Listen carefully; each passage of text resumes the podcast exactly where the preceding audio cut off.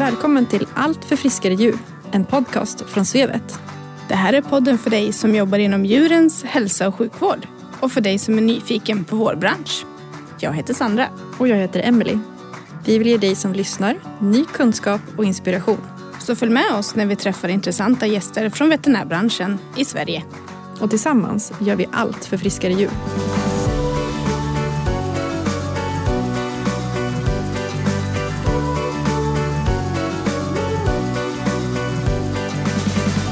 Avsnittet sponsras av Diasystem som är din leverantör av laboratorieutrustning.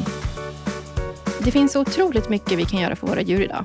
Både när det kommer till operationer, undersökningar och behandlingar. I dagens avsnitt ska vi prata om ett viktigt arbete i det här ledet, nämligen arbetet på labbet. Och så ska vi få reda på lite mer om blodgivning. Marie Verbelov arbetar på ett större djursjukhus som biomedicinsk analytiker. Och förutom arbetet på labb så är hon också en del i det team som arbetar med blodbanken. Häng med oss i dagens avsnitt.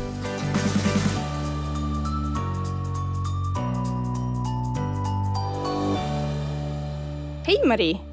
Hej! Vi är jätteglada att du är här och vill göra ett poddavsnitt med oss. Ja, vad trevligt. Välkomna hit till mitt jobb där vi sitter och spelar in idag. Kul och spännande att bli inbjuden. Tack så jättemycket. Vi har jättemycket vi skulle vilja fråga dig. Men du får jättegärna börja med att berätta lite grann om dig själv först. Ja, jag heter Marie då, som sagt. Jag jobbar som biomedicinsk analytiker på ett labb på ett större djursjukhus. Jag har eh, alltid haft hund i princip. Katt också. Men framför allt hund är väl det som jag är intresserad av. Och därför är det ju extra kul att få jobba inom veterinärmedicin. Det blir ju ett sätt att kombinera sin hobby med sitt jobb på ett sätt. Du jobbar ju på ett stort labb här på Evidensia i sjukhuset Strömsholm. Hur många är ni som arbetar här idag? Vi är eh, sju stycken, Eh, så det är ju som sagt var ett ganska stort labb. Och det låter som att vi är jättemånga, men eh, det är något som behövs för att vi ska kunna täcka både dag och kvällspass och vi finns ju här även på helgerna. Och eh, jag tycker att det är en stor fördel att ha så här många duktiga kollegor runt omkring mig. Vi lär oss mycket av varandra. Eh, vi har ju olika erfarenheter, hunnit samla på oss eh, olika mycket kompetens. Så att eh, man har alltid någon att bolla problem med. Vi kan hjälpas åt med bedömningar av olika saker och så. så att, och jag får samtidigt passa på att ge en eloge till alla de som sitter ensamma ute på sitt labb. Det kan inte vara så lätt alla gånger. Det är verkligen inte. Ni har ju en fördel med att ni är ganska många nere Mm. hos er med olika Ja. bakgrund också. Det stämmer.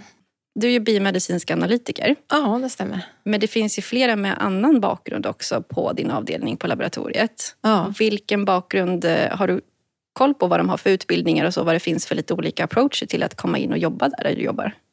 Ja, eh, de flesta av oss är då legitimerade biomedicinska analytiker. Eh, sen har vi en kemiingenjör eh, och en cellbiolog också. Spännande. Vad roligt att man kan komma från olika delar och ändå hamna på samma avdelning. Ja. Ja. Mhm. Det är ett väldigt stort labb gentemot andra. Vilka typer av prover kör ni här? Vi gör ju det mesta här. Eh, hematologi, klinisk kemi, mikrobiologi, eh, cytologi, parasitologi. Ja, det är liksom diverse. Vi brukar skoja ibland och säga att vi, vi analyserar allt som man kan ta loss från ett djur. Finns det någonting som ni inte kan köra här? det vi inte gör, eh, det är ju histopatologi och inte PCR. Vi har inte riktigt möjligheterna att göra det.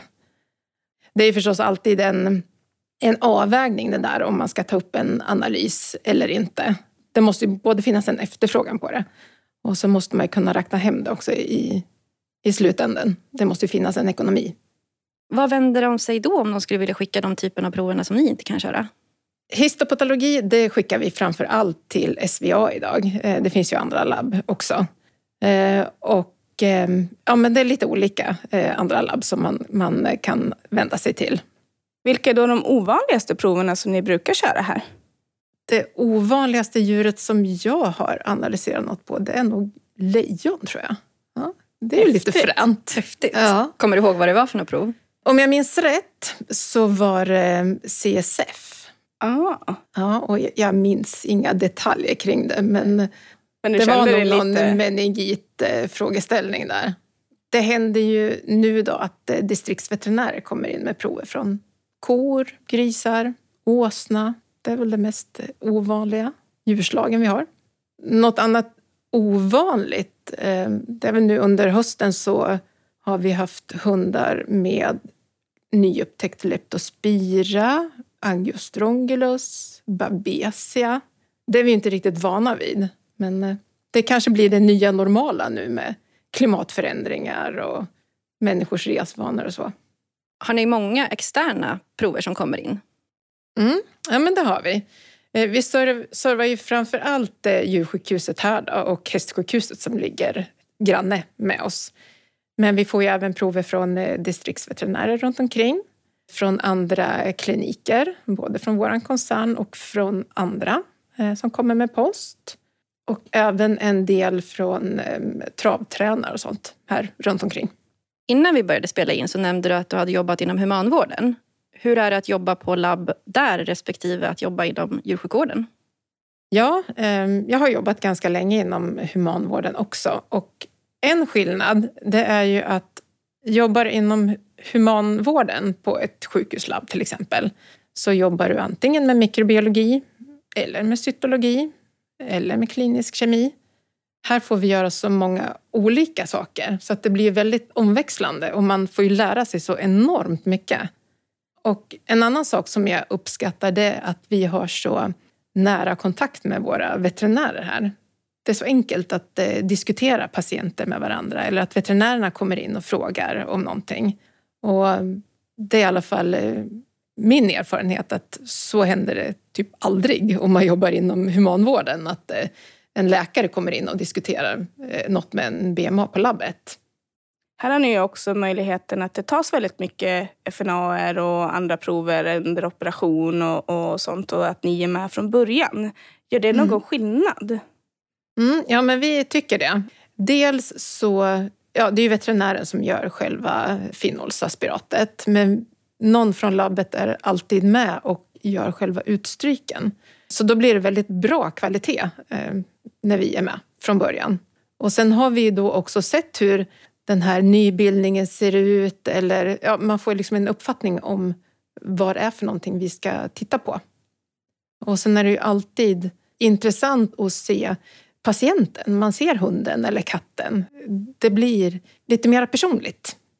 Så väldigt utvecklande att jobba på det här sättet som ni gör och även att det underlättar säkert ert jobb lite grann. Att ni har möjlighet att vara med på ett annat sätt och ha en diskussion ihop med veterinärerna. Absolut. Jag tror att det är bra för båda parter.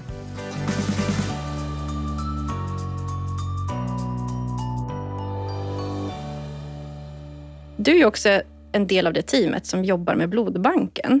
Vilka djur är det som ni har som bloddonatorer? Ja, nej, men jag har jobbat ganska länge då inom humanmedicinen eh, innan jag började här.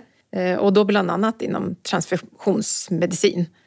Alltså med, med blodgivare, med framställning av eh, blodprodukter och utlämning av eh, blod och plasma och trombocyter till patienter. Så när jag hade varit här några år så fick jag då frågan om jag ville vara med i, i blodbanksgruppen och det ville jag förstås. Det är ju supertrevligt. Vi har då ett 50-tal hundar som är blodgivare och eh, knappt 10 katter. Hur kommer det sig att det är mindre katter än hundar? Ja, det beror på att vi har, här på sjukhuset så har vi då ett lager av eh, hundblod, erytrocytkoncentrat och plasma. Eh, Men för katter så har vi valt att eh, är det en katt som behöver ha blod så har vi några akutgivare som står standby, som vi har på en lista som vi kan eh, ringa in när behov uppstår. Behövs det fler blodgivare? Eller hur ser det ut? Eh, Ja, man behöver ju ständigt fylla på med nya hundar och katter i eh, blodgivarkåren. Och det är ganska många som är intresserade av det här. I dagsläget så behöver vi nog kanske fylla på med några till katter eh, innan vi är nöjda. Hundar har vi ganska bra med just nu. Vad är det för kriterier som behöver uppfyllas för att en hund och katt ska kunna bli blodgivare? Ja, om vi börjar då med hund Eh, så behöver det vara en ganska stor hund. Eh, vi tar ju lika mycket blod av alla, så att eh, det krävs att hunden väger helst 27 kilo då, eller mer. Det ska vara en frisk hund som inte står på några speciella mediciner. Den ska vara född i Sverige, inte varit utomlands. Är det en tik så ska den inte ha varit dräktig eller fått valpar. Och sen något annat som är väldigt viktigt, det är ju det här med hantering. Att de ska tycka att det är okej okay att vi hanterar dem och varken tycka att det är superläskigt eller reagera aggressivt. Man har ju sett väldigt många eh, blodgivarhundar komma i korridoren och eh, mm. många gånger så ylar de ju till och med efter er. De verkar tycka om er väldigt mycket. Ja, ja, Hur gör ni för att liksom komma så här att de blir så glada av att se er? Mutor. det brukar funka bra. Ja, vi har ju avslutat då med att ge dem grisöra och det lär de sig ju väldigt, väldigt snabbt. Mm. Ja, och jag vet ju att det, båda ni har ju haft egna blodgivarhundar. Så ni kanske känner igen det här? Det stämmer. Det stämmer. Ja. Du nämnde ju lite grann om kriterierna för hund. Mm. Vilka kriterier är det för katt? Eh, ja, det behöver vara en ganska stor katt här också. Den ska väga över fyra kilo.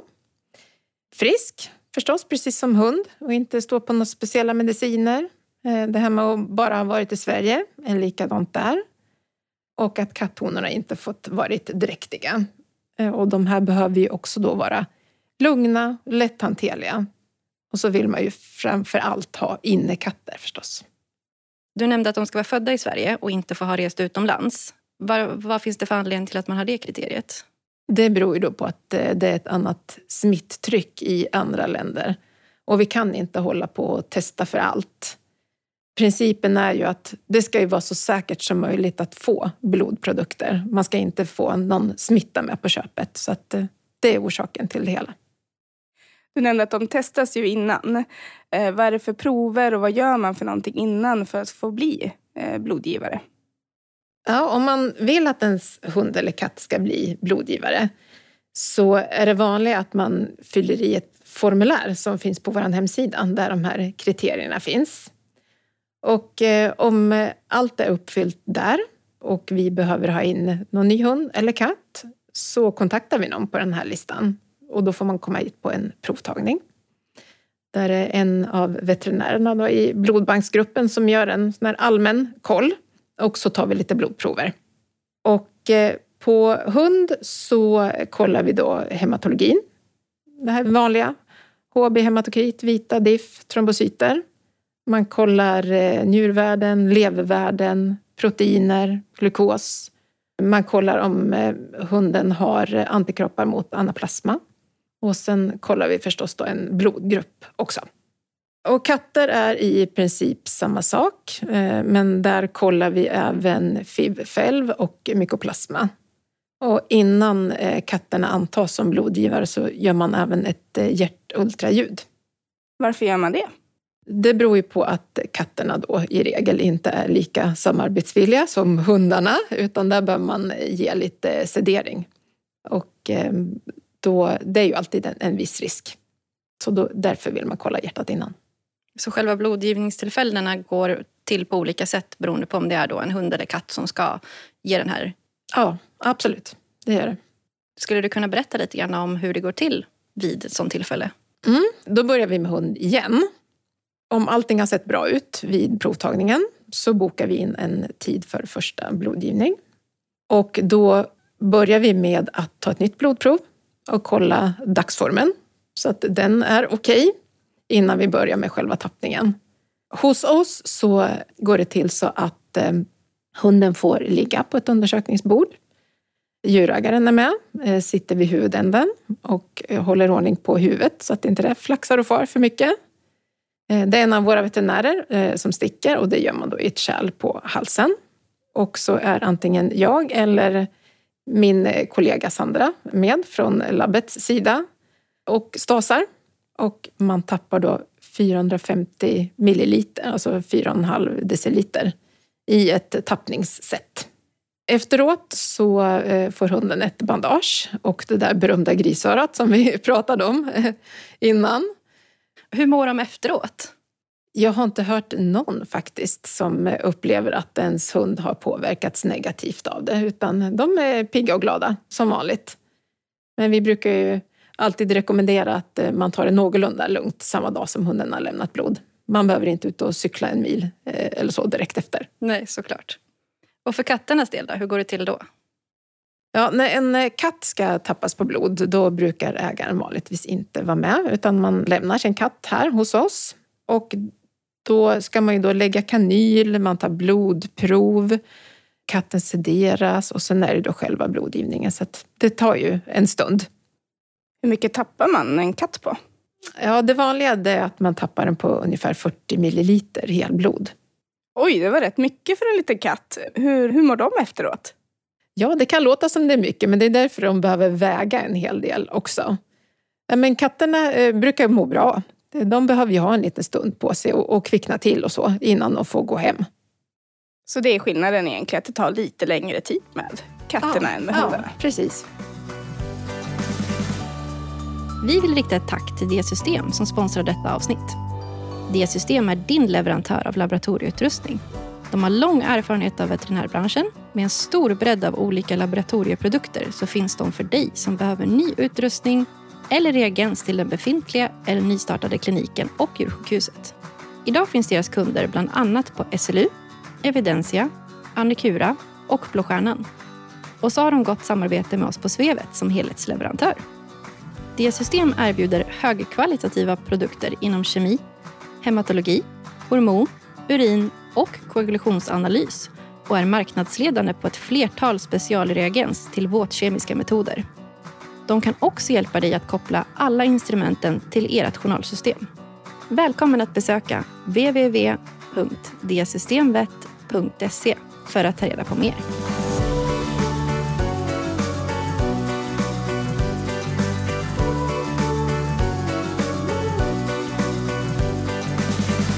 Marie, vilka intervall är det som de får ge blod på? Hur ofta får de, får de ge det? Tid måste det vara emellan?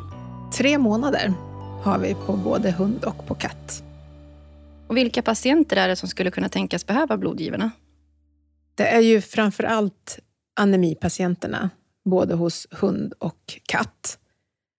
Sen eh, förekommer det också att vi ger erytrocyter till vildsvinsskador. Inför eh, nackdiskbråckoperationer har vi också och sen inför till exempel nackdiskbråckoperationer så har vi rutinen att vi alltid korstestar och har en påse redo i reserv. Om det skulle bli en blödning, då behöver man ha blodet väldigt snabbt. Jag tror aldrig jag har varit med dock om att man har behövt den här påsen, men, men det är skönt att ha den. Du sa att det skulle korstestas. Vad innebär det? Ja, det innebär då att man testar patientens blod mot mottagarens blod i provrör för att se om patienten då reagerar mot givarens blod. Varför är det så viktigt att korstesta? Vad skulle kunna hända? Man kan få ganska allvarliga konsekvenser om man ger eh, fel blod. Så dels är det viktigt att man har blodgrupperat sin patient och framför allt katterna gäller det här då. Hundar kan man ge blod en gång av fel blodgrupp, så att säga. Icke-förenlig eh, blodgrupp, utan att det gör något. De har nämligen inte naturliga antikroppar som vi människor och katterna har. Vilka olika blodgrupper finns det på hund respektive katt? Ja, det finns ju jätte, jättemånga olika blodgruppssystem eh, på både människor, på hund och på katt. Men det som är viktigt på hund är det som heter DEA11 där de antingen är positiva, eh, då har de det här ytantigenet på sina röda blodkroppar, eller också så saknar de det och då är de negativa. Katterna kan vara A, B eller AB. Vilken blodgrupp är vanligast för respektive? Det vanligaste på hund är att de är positiva och det vanligaste på katt är att de är blodgrupp A. Du tar ju ut helblod ifrån patienten. Vad gör ni för olika blodprodukter utav helblodet? På katt så använder vi oss framför allt av helblod. Så där gör vi inte så många olika komponenter. På hund däremot, där använder vi ett tappningssätt som egentligen är tre påsar som sitter ihop i en. Så efter blodgivningen där så får det här tappningssättet med blodet vila en stund innan det centrifugeras. Och sen så kan man då föra över plasman i en påse och erytrocyterna i en annan. Och eh, erytrocyterna det är en färskvara, förvaras i kyl och är hållbart i sex veckor. Plasman däremot det fryser vi in och den är hållbar då i ett år. Använder man även helblod till hund? Ja, det förekommer. Eh, det är inte så vanligt här hos oss. Eh, det är framför allt om hunden har brist på trombocyter, för de kan vi inte komma åt på något annat sätt än att ge färskt helblod. Händer det att jag använder blodprodukten direkt när har tappat patienten? Eh, ja, det händer. Inte speciellt ofta, men då får man ju då ringa in en givare akut om man har en, en eh, hund eller katt som behöver ha så snabbt. Hur hanteras eh, blodprodukterna då när de ska införa att man ska ge det till en patient? Vid upptining till exempel? Ja, vi har en plasmatinare där man då kan tina plasma från sitt frusna tillstånd och vi brukar även förvärma erytrocytkoncentratet upp till 37 grader innan det ges till en patient. Och sen så ska det förstås ges då så, så snabbt som möjligt. Jag tänker lite grann på utrustningen kring vad som behövs för att eh, ta ut blodet. Kan du berätta någonting om det? Ja, det är lite olika grejer man behöver ha. Och, och framförallt så är de ju då tyvärr rätt dyra. Om du ska göra då olika blodkomponenter och inte bara helblod så behöver du då ha en, en blodpåscentrifug. Du behöver ha en blodpress. Eh, sen så behöver du ha ett eh, kylskåp och en frys som då helst har ett övervakningssystem av eh, temperaturen och ett larm om det skulle gå åt peppan. Så att man har lite koll på hur de här produkterna förvaras. Som sagt var, det är ju lite investeringar som krävs.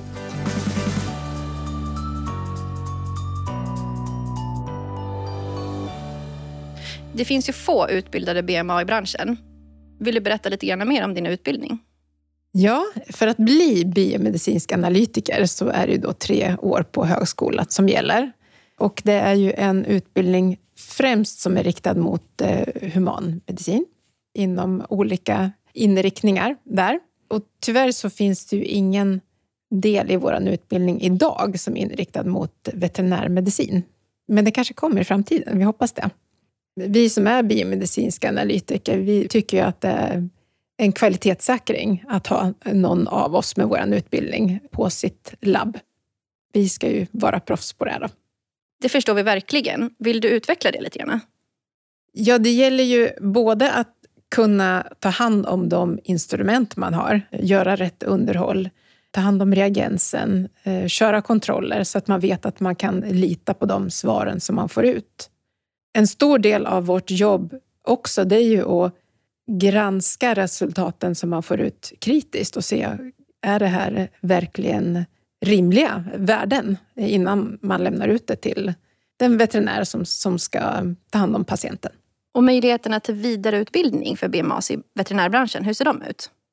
Där skulle jag nog vilja att vi skulle få ännu större kursutbud och eh, större möjligheter till vidareutbildning än det vi har idag. Eh, mycket är ju inriktat på veterinärer och sköterskor som är de stora personalgrupperna förstås.